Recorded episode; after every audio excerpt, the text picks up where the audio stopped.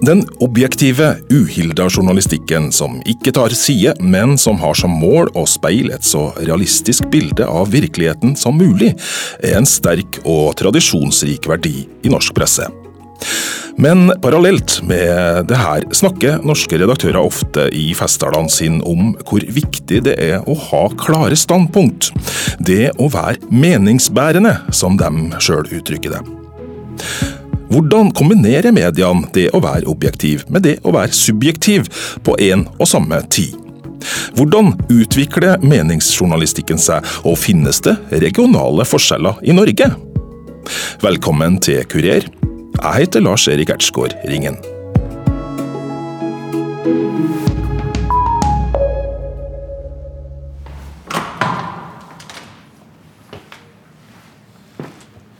Vi starter dette programmet i Tromsø, i redaksjonslokalene til Nordlys midt i sentrum. Sjefsredaktør Helge Nitteberg er i ferd med å vise oss den delen av redaksjonen som har som hovedoppgave å mene, konkludere og være subjektiv. Ja, da er vi på vei inn her i eh, avdelinga der vår politiske avdeling sitter. og Da har vi eh, politisk redaktør som sammen med Tone Jensen og Oddvar Nygaard, som er våre faste kommentatorer, som, som eh, jobber med kommentarjournalistikk og debattjournalistikk på heltid. Hvorfor velger dere Nordlys å ha egne folk på akkurat det her? Ja, vi, ser at vi, um, hvis vi skal stimulere og skape god debatt, så må vi bidra sjøl. Og vi må sette tonen i, i, debatten. Eh, og da, da, er det viktig å bidra med egne krefter eh, til, å, til, å, skape en god debatt. Og vi, vi ser at eh, vi har veldig flinke folk til å gjøre akkurat dette. Og som, som, som setter tonen og starter nye debatter som kanskje ikke var der i utgangspunktet. Hvorfor er det viktig for ei avis som Nordlys å ha meninger? ja, altså for det, for det, første så tror jeg at det at vi sjøl tar grepet om debatten, er med på å kultivere debatten. Eh, og at vi kan ikke overlate samfunnsdebatten helt og holden til kommentarfeltene på Facebook. Vi må være med, med sjøl og bidra til en kultivert og opplyst debatt. Og så ser vi at eh, når vi klarer å bygge bru mellom nyhetsjournalistikken, den undersøkende nyhetsjournalistikken og kommentarjournalistikken, så er det en kjempestyrke at de to måtte spille på lag og styrke hverandre. Politisk redaktør Skjalg Fjellheim sitter konsentrert foran datamaskina og skriver på en leder. En viktig del av hans jobb er å ha sterke og tydelige meninger. Vi holder på med, med en, på en lederartikkel her der vi skriver om uh, asylopprøret i Arbeiderpartiet. Uh, og der vi, uh, vi skriver at det er et, et uttrykk for et uttrykk for at Arbeiderpartiet har store problemer internt. Og vi viser at vi, vi også i våre lederartikler har perspektiver på nasjonal politikk. Det er et blankt uh, tekstarkiv. Ja, det er her et eller annet sted. Å ja, oh, ja, du har begynt, ja. Uh, nå skal vi se her. Der, ja. Der har vi den. Er du en meningens mann? Absolutt, og det er jo derfor jeg er politisk redaktør. Jeg liker å, å, å være meningsbærer, og jeg syns det er veldig flott å kunne delta i samfunnsdebatten og være en del av det levende demokratiet. Og, og være en stemme fra Nord-Norge inn i det nasjonale rommet. Men Hvordan går du fram når du velger tema for eh, de kommentarene du skriver? Vi starter dagen med, med et møte i vår gruppe. gruppe. Vi er jo tre kommentatorer i avisa, og så møtes vi som ofte sammen med sjefsredaktøren, diskuterer eh, tema for leder i morgendagens avis.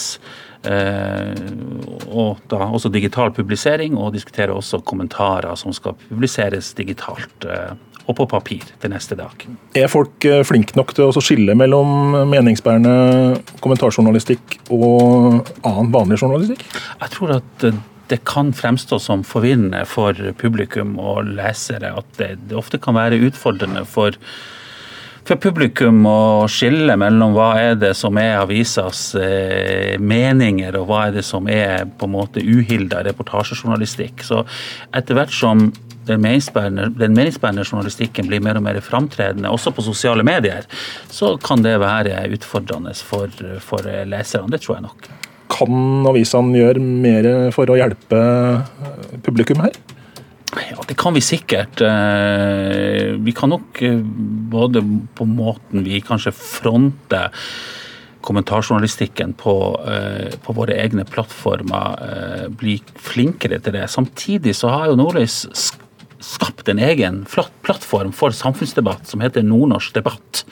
Så når vi publiserer vårt innhold, vårt meningsbærende innhold der, sammen med, med mange andre eksterne bidragsytere, så, så, er jo det i seg sjøl ganske klargjørende i navnet at dette er nordnorsk debatt.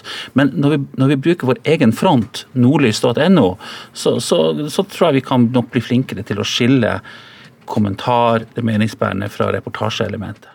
Sjefsredaktøren i Nordlys er enig med sin egen politiske redaktør. Det kan innimellom være vanskelig for leserne å skille mellom objektiv og subjektiv journalistikk. Ja, altså det er, det er, vanskelig tror jeg, for leseren eh, å alltid skille mellom hva, hva som er meninger og hva som er fakta.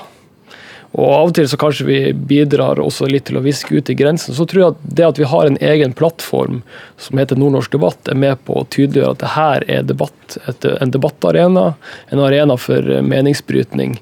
Mens eh, de tradisjonelle nyhetsflatene er, er annerledes utforma. Det håper jeg bidrar til at det er tydelige, tydelige skiller. Helge Nitteberg er ikke bare sterk og tydelig i sine egne lederartikler, han er det også når Kurer kommer på besøk.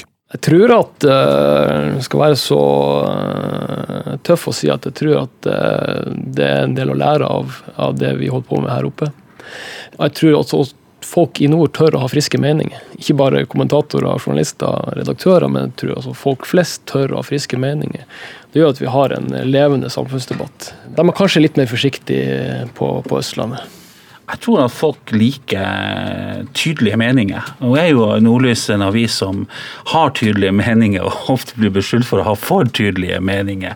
Om det har med vårt nordnorske ståsted å gjøre, jeg vet ikke. Vi er i alle fall langt fra hovedstaden og langt fra den nasjonale makta.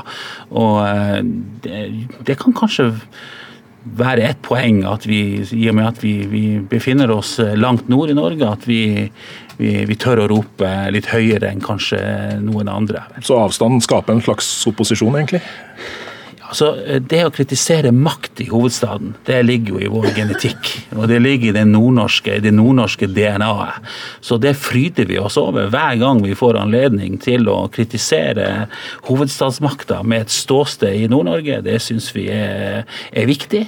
Og det tror vi også er, er, er viktig for, for, den nasjonale samtalen. At man har regionale stemmer på Vestlandet, i Trøndelag og i Nord-Norge som har blikk på nasjonal politikk, på nasjonale begivenheter, og som også våger å kritisere makt og institusjoner i hovedstaden.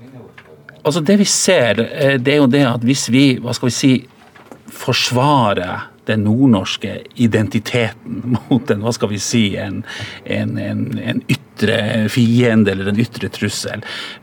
For å ta et eksempel i sist vinter når vi skrev om Rema 1000 sine forsøk på å fjerne makkøl fra eh, butikkhyllene, så var det et fantastisk eksempel på en sak som, som skaper engasjement. Og vi visste jo at det ville skape engasjement, eh, men vi syns likevel vi synes at den type ting er viktig å skrive om. ikke sant? Eh, nordnorsk kultur, nordnorsk identitet, nordnorske norske følelser. Eh, at vi, vi bidrar til, å, til å, å, å, få det frem. Det, det, det, blir jo selvfølgelig populært i Nord-Norge, og, og, og ja, det, det, er en viktig del av vårt, vårt oppdrag. Nå sitter du altså og skriver Er det lenge til du er ferdig med den her, akkurat den her nå? Nei, nå er vi i innspurten, og, og uh, hvis vi får opp dataanlegget vårt igjen, så vil den bli publisert uh, på vår front, nordlys.no, også på vår debattplattform nordnorskdebatt.no i løpet av et par-tre timer. Og så står den også på trykk i morgendagens avis. Hva slags reaksjoner spår du at du får på den her? Det som jo er fantastisk med den digitale verden, er jo at de geografiske murene som før sto eh, rundt omkring i landet, de er jo brutt ned. En lederartikkel i Nordlys for 15 år siden måtte man vente til dagen etter for å få lese i Oslo. Man måtte kjøpe den på Narvesen-kiosken utenfor Stortinget. I dag så når den frem til beslutningstakere i hovedstaden på fem sekunder, og vi kan sette en nasjonal dagsorden også fra, fra nord. Og dette standpunktet vårt om uh, asylopprøret i Arbeiderpartiet, det, det, kan det komme til å bli også en nasjonal debatt om. Skjalg Fjellheim, du er politisk redaktør i Nordlys. Er dere med og dyrker et fiendebilde? Nei, det er vi jo ikke. Vi har engasjert oss veldig sterkt i den eh, og Avisa Nordlys og andre mediebedrifter i Nord-Norge lykkes med sin satsing på meningsjournalistikk, debatt og det å ha en tydelig stemme. Politisk redaktør Skjalg Fjellheim deltar stadig i samfunnsdebatten i riksdekkende media, og saker fra nord løftes med jevne mellomrom opp og fram i mediebildet. Så det å argumentere for regionalt fellesskap i nord, det, det er ikke noe nytt for de som har fulgt med.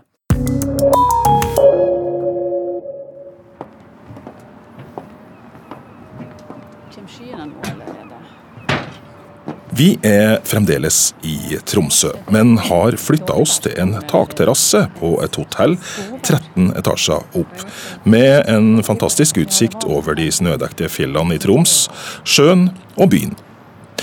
Professor Lisbeth Molandstø og førsteamanuensis Birgit Røe Mathisen er på mediekonferansen Svarte natta for å presentere sin forskning på meningsjournalistikk, som blir offentliggjort i bokform på nyåret. En av de tydeligste funnene forskerne har gjort, er at vi har en dreining fra uhilda journalistikk til mer subjektiv journalistikk, forteller Røe Mathisen. Eh, det vi ser er jo at det har skjedd ei, ei eh, dreining i journalistikken fra news til views, for å si det sånn. Eh, hvor, og det er en trend vi ser både i Norge og i hele den vestlige verden, at journalistikken i større grad handler om analyse og fortolkning, og ikke bare nyhetsrapportering. Og det ser vi på den måten både at andelen meningsjournalistikk altså, øker, men òg at nyhetsjournalistikken får en større og mer markant innslag av fortolkning og analyse, og ikke bare nyhetsrapportering. Men det å være uhilda har jo vært en sånn journalistisk verdi som har blitt holdt veldig veldig høyt i norsk presse. Hva har skjedd med den, det idealet? da? Ja, det, det lever nok eh, si, sterkt fortsatt. Men det er klart at eh, meningsjournalistikken er jo subjektiv i sin form. Og det å være en, en kommentator og, og, en menings, og det å være en meningsbærer har jo òg bestandig vært en viktig rolle for, eh, for journalistikken. Vi ser altså en dreining som gir oss mer og mer subjektiv journalistikk. Men hva er egentlig drivkraften bak denne utviklinga? Ja, det er det jo mange forklaringer på. Eh, en litt sånn kritisk innvending går ut på at eh, det handler om økonomi. At det er billigere for mediehusene i krisetid å ha folk som sitter på kontoret og mener, i stedet for å reise ut eh, og drive oppsøkende feature og reportasjejournalistikk og gravejournalistikk. En annen forklaring handler om at verden blir mer og mer kompleks, og vi blir bombardert med nyheter hele, hele, døgnet. Og at det gjør at folk har et større behov for noen som kan hjelpe dem å sette ting i en kontekst og i en sammenheng, og, og forklare, sette enkelte hendelser inn i en større, i en større ramme. Hvordan blir denne typen journalistikk mottatt uh, hos oss uh, konsumenter? da? Det er populært stoff. Eh, det ser vi, og det er klart at eh, sosiale medier bidrar jo mye til det, for det deles jo mye. Eh, meningsjournalistikk deles jo oftere på sosiale medier enn nyhetssaker. Så det, det er nok populært stoff. Førsteamanuensis Birgit Røe Mathisen fra Nord universitet i Bodø forteller at meningsjournalistikken også forandrer seg formmessig. Blant annet blir de som skriver de sterke meningene stadig viktigere. Ja, det er jo nytt hvis vi ser det over noen tiår. Eh, for noen tiår siden så var jo selvfølgelig lederartikkelen veldig viktig, ikke minst under partipressen. Mens den eh, kommentarjournalistikken som, som har vokst i dag, handler jo mer om den personlige kommentaren. Sånn at, eh, at kommentatoren som person er nok blitt viktigere og, og blir nok mer bygd opp under og, og, og markedsført enn en før. Der har det nok absolutt skjedd, skjedd en dreining. Annet i form av si, bildebyline og, og altså Det er ikke noe i tvil om hvem kommentatoren er. Den nye digitale hverdagen med sosiale medier og diskusjonsforum på nettet har ifølge førsteamanuensis Birgit Røe Mathisen også tydelig påvirka meningsjournalistikken. De, de sitter ikke lenger i et elfenbenstårn og kommentere uten å måtte forholde seg til eh, hva publikum mener. Sånn at Sosiale medier gir jo en publikum en helt ny mulighet til å gå inn i direkte dialog med kommentatorene. Og det gir jo òg publikum mulighet til å dele meningsytringer og samtidig jeg, si om, om eh, hva de syns om, om den saken. Men hvor flinke er kommentatorene sjøl til å være med på denne debatten? Det varierer nok veldig. Eh, noen er veldig aktive, og andre er ikke like aktive. Og mediehusene sier jo òg at eh, de, de, skulle ønske de hadde klart å være til stede mer enn de gjør. Og det handler jo òg om, om, ressurser. Det er klart at eh, det går fort mye tid hvis du skal sitte og delta i debatten hele dagen. Da får du ikke produsert de nye kommentarene. Tidligere i programmet da vi besøkte Nordlys redaksjon, hørte vi redaktørene der innrømme at det ofte kan være vanskelig for oss mediebrukere å skille subjektiv journalistikk fra den objektive journalistikken. Røe Mathisen er kanskje litt overraskende ikke helt enig i det. Hun mener at avisene er gode på å merke journalistikken sin. Det er de veldig gode på. Det er veldig godt eh, merka og veldig tydelig merka. Og kommentatorene blir jo ofte òg eh, hva skal vi si, veldig sånn profilert. Eh, og på mange måter så kan vi jo si at da å ha tydelige, kjente, profilerte kommentatorer blir en viktig del av merkevarebygginga til mediehusene. Det bidrar til interesse og at folk eh, ønsker å følge en kommentator. Og, så, så det er veldig tydelig merka, ja.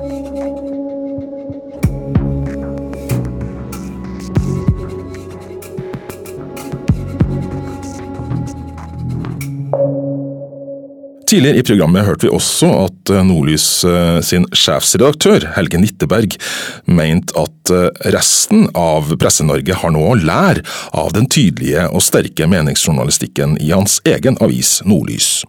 Professor Lisbeth Molandstrø fra Nord universitet i Bodø kan gjennom forskninga si langt på vei slå fast at han har et godt poeng. Det som eh, kommentarjournalistene i regionavisene sa når vi starta denne studien, det var det at de fremholdt på en måte Bergens Tidende som den avisa som hadde satsa mest på kommentarjournalistikk, og som ble oftest hørt utad. Altså den satsinga de hadde både med Trine Eilertsen og Hilde Sandvik. og den her.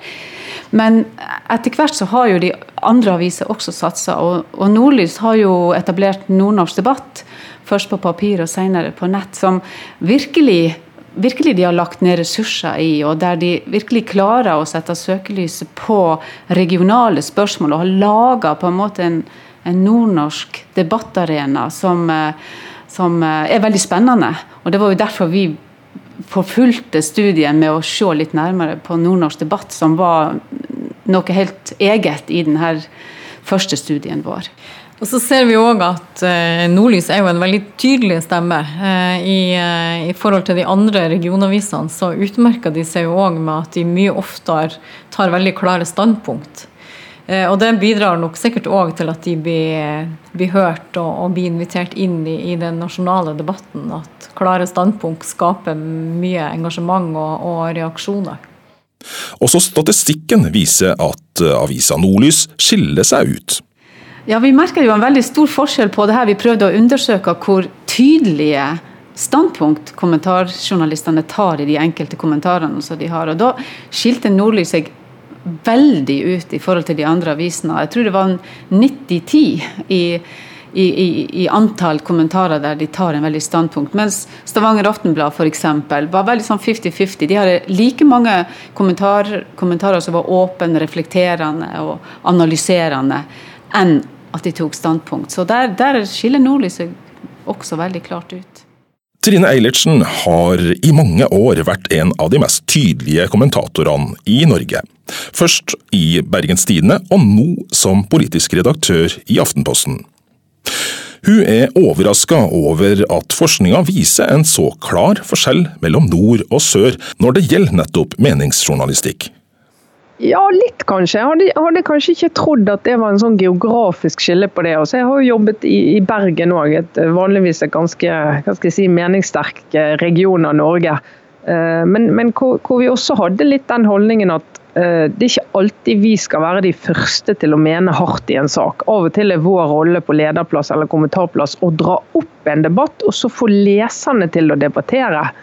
Av og til så mente vi for hardt for tidlig og på en måte eh, fikk parkerte debatten fordi vi var så, var så tidlig på ballen. Sånn at Av og til så kan det være vår rolle å få i gang en debatt. Og Det er jo litt sånn virkelig hjertet av samfunnsoppdraget, om du vil. da, Å få i gang debatt, diskusjon og opplyse temaet for leserne, sånn at de er i stand til å gjøre, eh, gjøre seg opp en egen mening. Den politiske redaktøren i Aftenposten er likevel litt usikker på om hun har noe å lære av den tydelige redaksjonen i Tromsø. Ja, altså ja og nei. Altså jeg mener jo at uh, En del uh, kommentarer eller analyser Jeg skiller jo mellom analyser og kommentarer, og, de fleste kommentatorer opererer litt i begge sjangre. Uh, når du lager en analyse eller en mer sånn forklare hvordan ting henger sammen, som jeg tror det er faktisk stort behov og marked for, Eh, når verden er så kompleks og det er så mye som foregår, det er så mye endringer og alt som foregår, så setter du ting litt og forklarer dette skjer. Og akkurat hva min personlige mening er om akkurat det som skjer, det er ikke så veldig viktig. Altså, det er ikke så viktig for leserne å vite hva jeg personlig mener om det som skjer i, i Irak og med IS akkurat nå, men jeg tror de har veldig behov for å skjønne hva som skjer. Så Det er den ene rollen. Men kommentatorrollen er mye mer sånn du tar ett poeng, skriver en kommentar, mener eh, og argumenterer eh, mer eller mindre hardt eh, for, for det. Og Det er en, en av to sjangre som vi opererer i. I hvert fall i Aftenposten så er, er vi opptatt av begge sjangrene, og ikke bare mene sterkt. For Hvis du mener altfor sterkt hele tiden, så blir det også litt, litt ulv-ulv, da. Politisk redaktør Trine Eilertsen i Aftenposten slår likevel fast at meningsjournalistikken har en sentral plass i hennes avis. Vi merker at det er en av de formatene om du vil, eller sjangrene der vi har mulighet til å skille oss fra andre og gi noe unikt eh, til leserne. Og Det er jo litt det vi kjemper om i den digitale verden, å greie å gi et eller annet som andre ikke kan gi. Eh, hva tror du er grunnen til at, eh, at dette tar mer og mer plass? Vi har merket at leserne har et, eh, et veldig sånn stort behov for å få satt ting inn i, inn i, en ramme, inn i perspektiv, få forklart. altså litt Hvorfor skjer dette, hvorfor skjer det akkurat nå? Altså En litt sånn analytisk gjennomgang hvor du har en, en profil gjerne, da, så du etter hvert er blitt litt kjent med og stoler på, som kan, kan forklare litt hva som skjer, eller konsekvensen av et eller annet som skjer. Og så er det jo det at eh, vi merker at meningsjournalistikk, særlig hvis den er litt tydelig i meningene, den utløser eh, respons og engasjement. Og engasjement, det at noen mener noe om det du mener eller skriver, det er vi avhengig av for at folk skal, skal være lojale til oss. da. Ligger det et element av økonomi her òg? Det er jo kanskje lettere å, la, å kommentere noe enn å reise ut og lage en reportasje? Ja, det kan du si. Eh, nå er det jo En del av de eh, kommentarene vi skriver, de er jo ikke veldig billige på den måten at eh, det kreves tidvis ganske mye research for å, for å lage enkelte av de kommentarene. Så det tar, kan ta flere dager å lage en enkel kommentar. Og det kan ta mye erfaring å kunne lage enkeltkommentarer. Det var jo en en medarbeider eh, tidligere, da vi begynte med alle disse her rasjonaliseringene og nedmanningene, da ble spurt av en konsulent hvor lang tid tar det å skrive en lederartikkel, og så svarte han det 20 års erfaring og 20 minutter.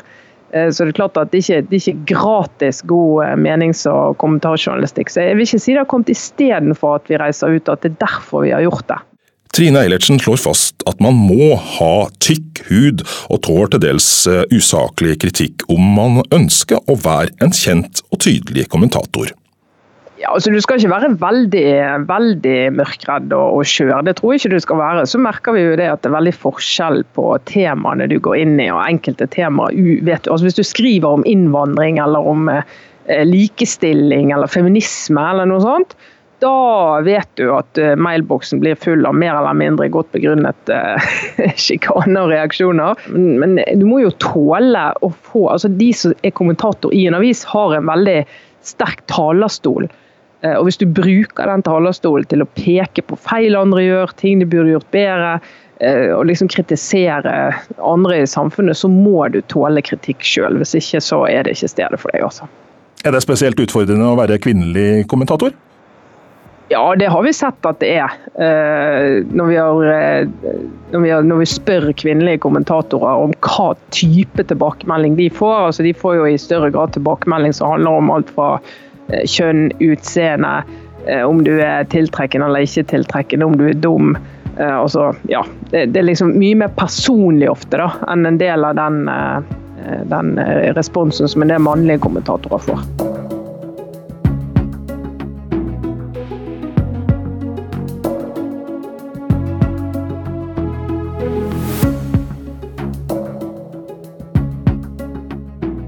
Kurer i dag var produsert av Anna Iversen. Jeg heter Lars Erik Ertsgaard Ringen, og om du har tips til oss i Kurer-redaksjonen eller tilbakemeldinger på programmene våre, så kan du nå oss på Twitter.